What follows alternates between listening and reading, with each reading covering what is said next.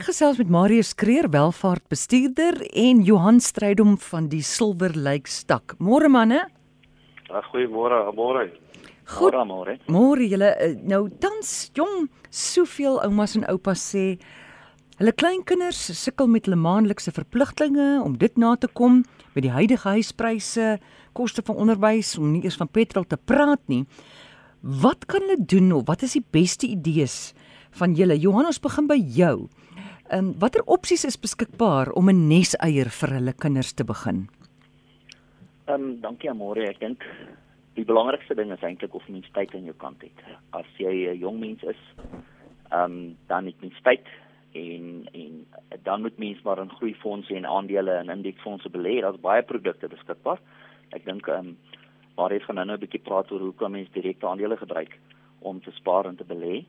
Die jaar van die saak is daar produkte soos belastingvrye spaarplanne. Ehm um, jy kan in effekte trust belê.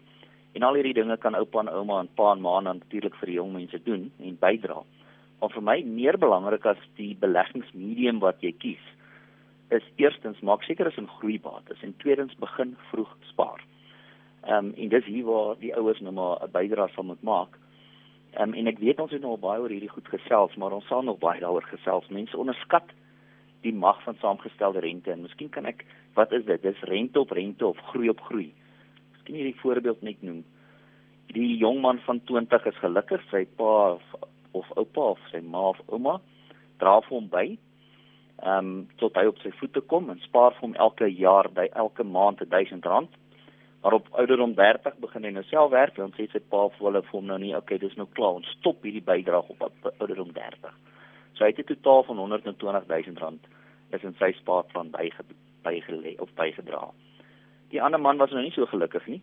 So hy het net gestudeer en al daai dinge gedoen en toe hy op 30 begin spaar. En hy het ook sy 1000 rand per maand gespaar. Maar hy het gespaar tot op 65. So op 65 tree hulle albei nou af. Die interessante ding is die tweede man het oor sy tyd 420 000 gespaar. Mm. Maar op ouderdom 65 het die eerste ou amper dubbel soveel in belegging as die tweede ou. Want hy het al reeds op 30 120 000 rand in mekaar gehad en daai kapitaalwaarde se groei op groei was soveel dat waar die ander persoon op 30 begin het, hy dit net nie kon inhaal nie. Dis die waarde van saamgestelde rente. So eintlik is die boodskap hier begin vroeg. Mm so gou as moontlik. Nou Marius, almal het nou nie honderde duisende rande om maandeliks vir hulle kinders en kleinkinders te belê nie. Met watter bedrag kan 'n persoon maandeliks of met 'n lompsom belê? Ja, mooi, dis nou is altyd 'n moeilike ding. Ehm um, almal wil help. Ek meen ek het nou self kinders en kleinkinders, ek sien maar hoe moeilik is dit vir hulle om nou ook eiendom te bekom ensovoorts. Ehm um, mense kan begin met wat hulle het. Jy daar's mense wat R500 'n maand spaar. Daai R500 'n maand uh, Johan het net genoem van R1000 'n maand. R500 'n maand sou ook 'n groot impak gehad het op hierdie persoon as jy dit vir 20 jaar gedoen het. So jy moet begin met wat jy het. Mense, daar's nie 'n verpligting nie.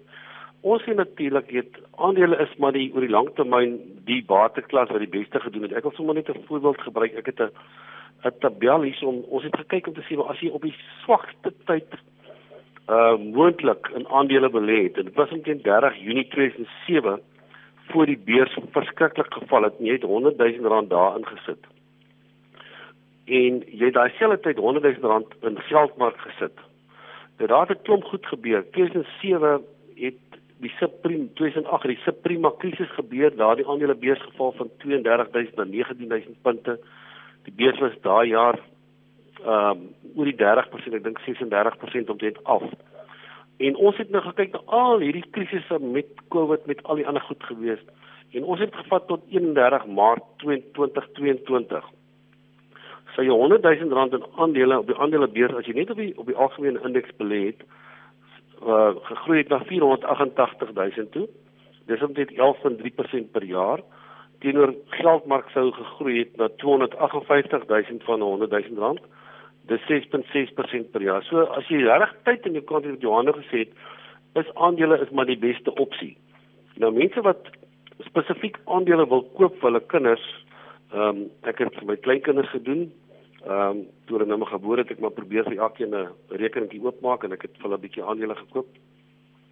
Ehm um, as jy nou aandele wil koop vir jou kinders, moet jy net onthou, jy kan nie jy het nog heel wat geld nodig as jy 'n portefeulje wil oopmaak. Veral as jy nou buitelandse aandele wil koop. Ons sê nog altyd ek sê as jy nou 'n paar aandele wil koop wat jy net wil los, wat jy nooit almal raak nie, dan sal ek nou kyk na Johnson & Johnson, na Amazon, na Apple, Shoprite en Checkers, miskien plaaslik. Maar as jy nou Amazon koop, dan kos hy 2921 dollar vir 'n aandeel. Nou dis 45000 rand 'n aandeel. So jy kan nie bekostig om direkte aandele te koop baie met kan dit bekostig. So daai mense gaan spesifiek in 'n effekte trust belê Nou in jou belastingvrye spaarplan kan jy R36000 per jaar spaar, maar jy hoef dit nie jy kan minder as dit wil. So mense kan regtig begin met R500 of hulle kan met R1000 of hulle kan met R10000 of R50000 of wat ook al hulle ook al het. Hmm. Hulle begin hulle moet dan met hulle adviseur praat sê wat is die beste manier vir my uh effektief en mense moet na kostes ook kyk want jy kan nie 'n aandele portefeulje met R10000 begin en nou het jy kostes per maand van ek dink jou standaard kostes omtrent R70 net vir die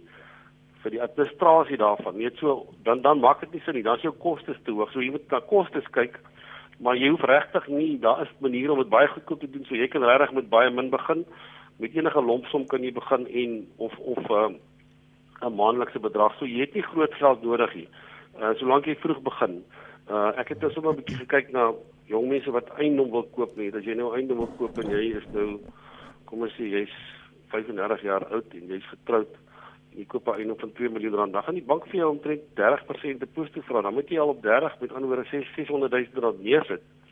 Plus jy het 'n verband van 14 000 rand per maand. So weet baie min mense kan dit regkry, maar ek dink as jy vroeg begin of as jou pa jou 'n bietjie help of jou oupa jou 'n bietjie help as hulle vroeg begin het, kan hulle vir jou net eier opbou om vir jou darm daai voorsprong te gee of daai wat ons nou maar noem in Engels die kickstart te gee. Hmm om om om aan die gang te kom. Nou Mamiaries gee dan nou nog 'n paar wenke as ek wil aandele koop vir my kind wat ek kan sien nou maar los vir 20 jaar.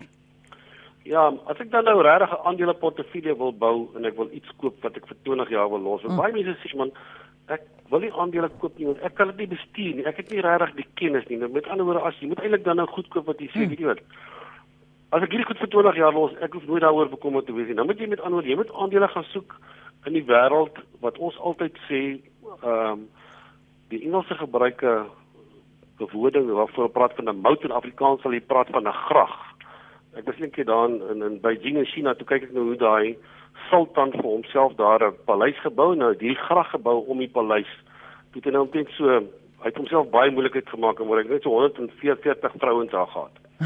Maar as iemand hom nou wil aanval, moet hulle nou deur daai grag swem. Ja om by hom uit te kom en dan skiet hy hulle daar van bo af met die pyle en bo. Met ander woorde, hy het eintlik vir homself 'n beskerming ingebou dat iemand niemand kan hom aanval nie. En daar's sulke klomp maatskappye in die wêreld wat eintlik nie aangeval kan word nie. Byvoorbeeld Microsoft is een. Uh daar's nie 'n kans dat iemand môre 'n produk op die mark gesit en sê, "Hoor, al die rekenaars verander nou van Microsoft hmm. na hierdie nuwe een toe nie." Met ander woorde, hy hy het vir homself 'n uh, beskerming ingebou. Johnson & Johnson is so 'n maatskappy. Ehm um, Amazon is so 'n maatskappy. Apple is so 'n maatskappy, Apple is nie meer 'n tegnologie maatskappy nie, dit is nou dis daar wat ons noem 'n consumable met ander woorde. As jy 'n Apple foon het, gaan jy ook 'n Apple iPad hê en jy gaan hulle in elk geval vervang met draaklader en so 'n ding wat jy net vervang.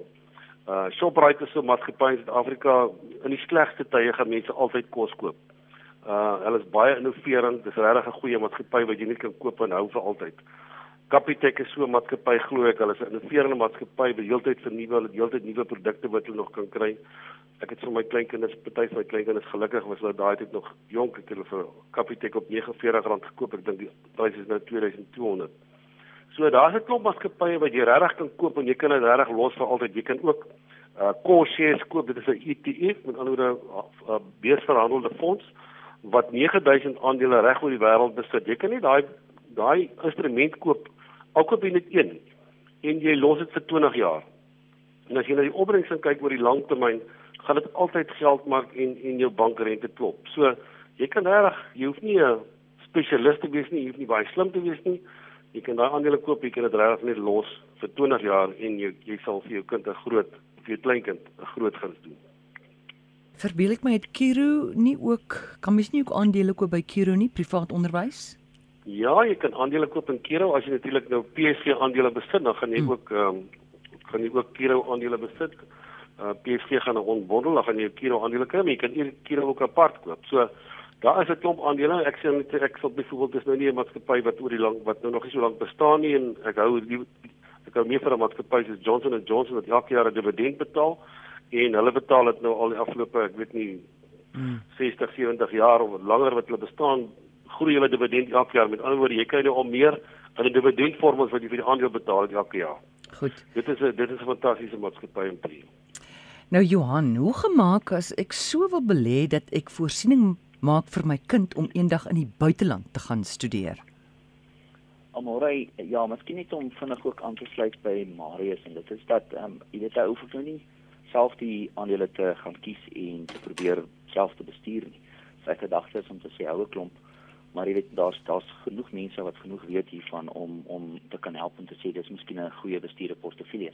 Nou dieselfde beginsel as ons nou praat van buitelandse studies. Ons almal weet nou al dis nie meer 'n goedkoop transaksie daarin nie. En ek dink die beginsel moet wees om jou belegging te probeer of jou bate te koppel aan daai uitgawe. So wat bedoel ek daarmee? Ehm um, belê in buitelandse aandele. Belê in buitelandse effekte trust, want jou uitgawe gaan eendag in die buiteland wees. En die rand is geneig om oor tyd maar te verswak teen jou dollar of jou euro of jou pond. En dit help nie jy spaar al hierdie 20 jaar in Suid-Afrika net om na 20 jaar in die buiteland te kom en te sê my jou rande is nie werd in dollar wat jy gehoop het dit is werd nie. So ek dink dit is die beginsel wat ons wil volg om te sê probeer hierdie goed aan mekaar koppel. Ek sit hier sommer nou en dink aan 'n aan 'n gedagte wat ek dalk ook wil deel wat wat luisteraars want ons weet nou dis bietjie minder jong mense wat noodwendig luister na hierdie program, maar miskien luisteraars wat vir hulle dit betyds kan leer. Um, ons praat van die 50 30 20% begroting beginsel. Kom dit daarop neer dat ons sê vat 50% van jou salaris of jou inkomste spandeer op dit wat jy moet langer om te kan leef. Gebruik so 30% van jou inkomste op dit wat jy graag sou wil hê, die lekker dinge en spaar dan 20%. Het jy dit nou vir aftrede is of het jy dit vir spesifieke goed is. Maar ek dink dit gaan oor die dissipline om om van die begin af gedeeltes weg te sit. En ek dink dit is waar die verantwoordelikheid van ons as ons as ouers kom.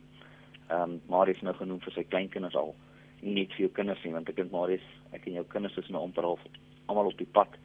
Hulle moet nou begin vir hulself sorg ook maar raai dat die kleinkinders dan kan mens hier 'n groot bydrae maak. So ek dink die beginsel is ook vir enige persoon by aftrede. Dit gaan nie net oor buitelandse studies nie. Probeer jou uitgawes en jou beleggings koppel aan mekaar. Van daar waar jy gaan leef, dis in daai geldeenheid of wisselkoers of mark waarin jy wil belê of waarin jy dit moet hê.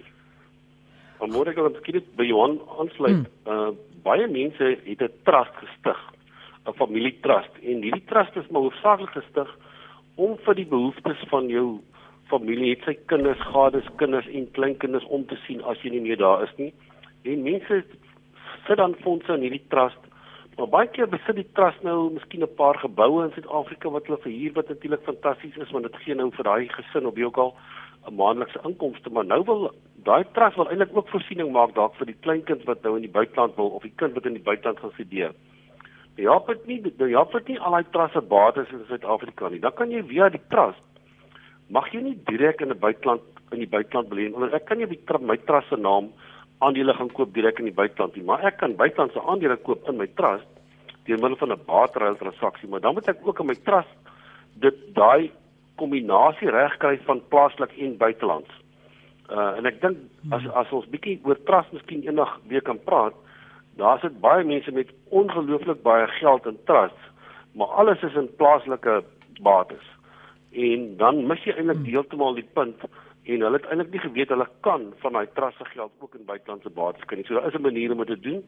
Uh en dit ook via jou trust te doen is natuurlik ook 'n goeie manier waar jy miskien nou nie 'n aparte belegging wil uitgaan uitneem vir elke kleinkind nie, dan spaar jy dit maar net in jou trust.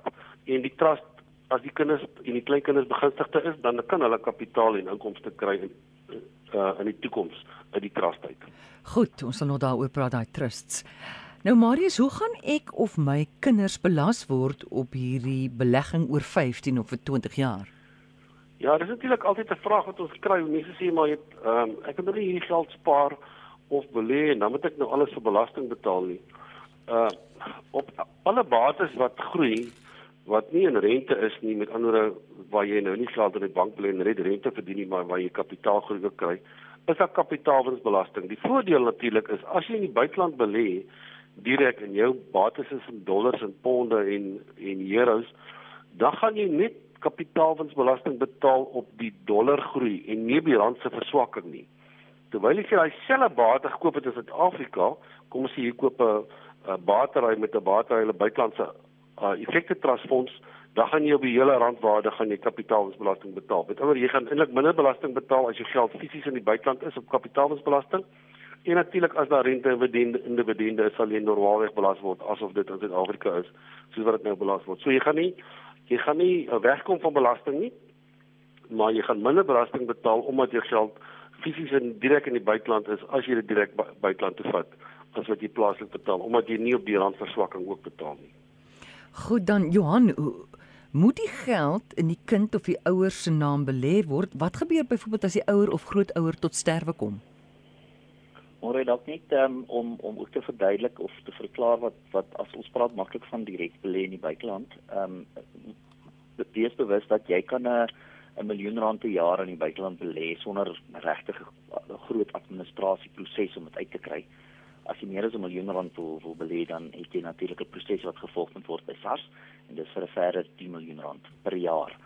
So ehm um, daar is geleenthede om maar geld in die buiteland te belê soos maar is genoem het. Die vraag nou is presies wat jy nou sê of wat jy vra is in wie se naam moet hierdie goed gedoen word. Nou uit die aard van die saak kan jy die belegging in die kind se naam doen. Ehm um, wees net bewus daarvan dat as 'n kind minderjarig is, dan sy mos nog nie handelsbevoeg nie. So dan is dit eintlik die ouer wat die handelsbevoegdheid het en teken namens hom en eintlik streng gesproke daai spaarplan of daai belegging kan onttrek as hulle sou wou. Wanneer dit kom by meerderjarigheid, dan as dit in daai persoon se se naam is, nie 'n probleem nie. Mens moet net dan begin dink aan die kwessie van skenkingbelasting. Want onthou, jy kan nie jou bates aan iemand anders skenk onwillekeurig nie. Jy het so 100 000 rand per jaar wat jy kan wegskenk. So ehm um, anders betaal jy skenkingbelasting van 20%. Hier weer eens, ek wil julle kan gerus met ons kom gesels. Daar's leningsstrukture wat nou moet oorweeg as mens as mense 'n bietjie meer as dit vir jou vir jou jou hmm. kinders wil belê. Ehm um, natuurlik kry jy dan nou oupas en oumas wat sê maar ek is nie en dit kom eintlik na jou vraag toe wat gebeur as die grootouers sou sou sterf. Ehm um, miskien wil ons nie nou al dit hê dit in die kinders se naam sodat sodat die ouers dit kan onttrek as daar behoefte is nie dan kan hulle dit in hulle eie naam doen, oupa en ouma, maar dan is dit baie belangrik dat mens die testament reg het, want in die testament moet jy dan bepaal dat daai spesifieke kleinkinders erf daai geld by dood. Ek dink maar is dit eintlik nou nou 'n baie goeie goeie voorstel gemaak en dis 'n familietrust. Al hoe meer mense het trust en normaalweg is die kinders en die kleinkinders ook begunstigdes. Die voordeel van die trust is hy word nie bestuur deur een mens nie, jy trustees. En die trustees beheer daai fondse en hoe dit uitbetaal. So die begunstigde kan 'n versoek aan die trustee maak en sê maar ek wil vir my studies in die buiteland gaan betaal as ons dit nou as daai as 'n voorbeeld wil gebruik.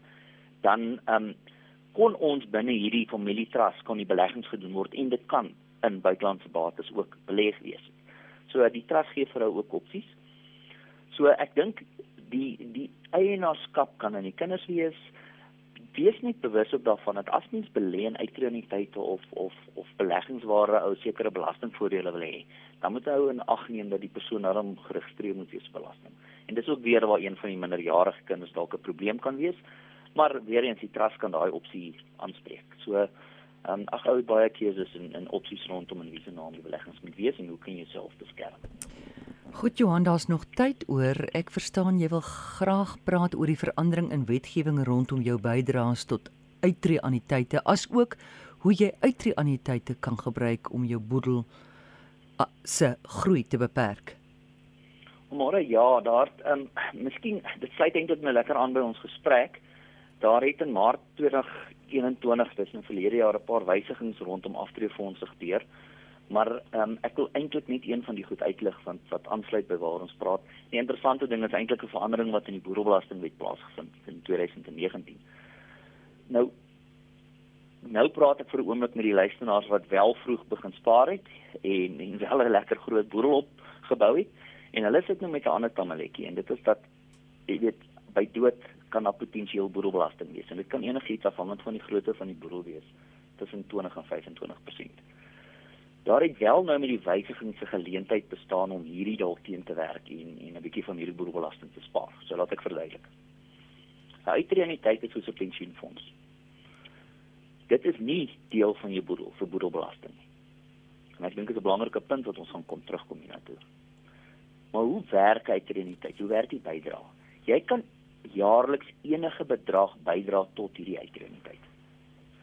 Maar jy kan nie 'n deel van dit wat jy bygedra het aftrek van inkomstebelasting. So jy kan nou jaarliks jou inkomstebelasting bietjie verminder en daar's 'n formule hoe dit plaasvind. Dit kan wees maksimum van of 27,5% van jou belasbare inkomste of R350 000 per jaar. So net dit weer herhaal, jy het uitrediniteit alles wat daar binne is, groei belastingvry, is buite jou boedel vir boedelbelasting. Jy kan elke jaar bydra daartoe en jy kan dit aftrek van belasting tot op 'n sekere bedrag. Nou, wat gebeur as ek dan nou in hierdie jaar meer bygedra het as dit wat ek kan aftrek? So kom ons sê in my voorbeeld het ons 350 000 rand gehad. Nou dra ek 500 000 rand by. Daai addisionele 150 000 rand kan ek volgende jaar aftrek. Al het ek niks bygedra nie, want ek het dit nou bygedra, so dit rol basies oor na volgende jaar toe wat ek teen my inkomste kan aftrek. Nou dis hier waar ons nou nader kom aan hierdie geleentheid waarvan ek praat. Kom ons vat 'n voorbeeld. Wat van as ek nou 10 miljoen rand bydra aan my trendtyd? En dan sterf ek ongelukkig die volgende jaar nog voordat ek kans gehad het om hierdie af te kontrak by die bydraes van belasting. Wat gebeur dan? Wat gebeur met hierdie 10 miljoen want ek het nou nou gesê uitrediniteit is nie die gelde daar binne is nie deel van jou boedel vir boedelbelasting nie. Maar nou wat gebeur met hierdie 10 miljoen? Het ek dit nou net uit my boedel uit? Voorheen voor hierdie wysiging was die reël dat die bydraes wat ek nog nie kon afgetrek het teen my inkomste nie, val terug na my boedel vir boedelbelasting. So daai 10 miljoen sou teruggekom het na my boedel en ek sou boedelbelasting daarop betaal het. En dis hier waar die groot verandering plaasgevind het. Miskien kan ek my vinnig net hieronder bereik. Mm. By dood het die begunstigdes van uitreniteit en ons kan nou noem van 'n lewe na die tyd ook, het die keuse of hulle daai waardes wat in daai produk is en uitreniteit is, as 'n enkel bedrag wil vat en of hulle dit gaan aanhou as 'n inkomste. So hier kom die verandering nou. Die nuwe reël sê, dit kan buite jou boedel bly, daai 10 miljoen rand kan buite jou boedel bly vir boedelbelasting doeleindes, mits jou begunstigde dit as 'n inkomste vat en nie as 'n enkel bedrag onttrek nie. So nou kan 'n besef wat jy potensiaal om boedelbelasting te spaar hierso. En dan ook nog verder gelde vir jou beginsigte te beskerm, want jy beskerm dit in hierdie in hierdie aftreefondse. En dis die geleentheid. Nou dit is 'n bietjie tegnies, maar uit die hart van die saak is die luisteraars welkom om my te skakel na die tyd dat ons kan dit 'n bietjie meer bespreek. Ehm um, en ek dink die logiese vraag is wat gebeur met 'n lewe na die tyd? En nou miskien omdat mens nog 'n minuut of twee het wanneer jy 'n aftreefonds was en jy tree af uit die aftreefonds, het jy mos nou keuse om dit oor te plaas na iets wat vir jou pensioen moet gee. Dis wat ons noem 'n lewe na die tyd. As jy hierdie 10 miljoen ook oorgeplaas het in in hierdie volgende jare wat sterf jy? Geld dieselfde reël ten opsigte daarvan. Die begunstigde het weer die keuse om te sê wil ek dit vat as 'n enkel bedrag of as 'n pensioen.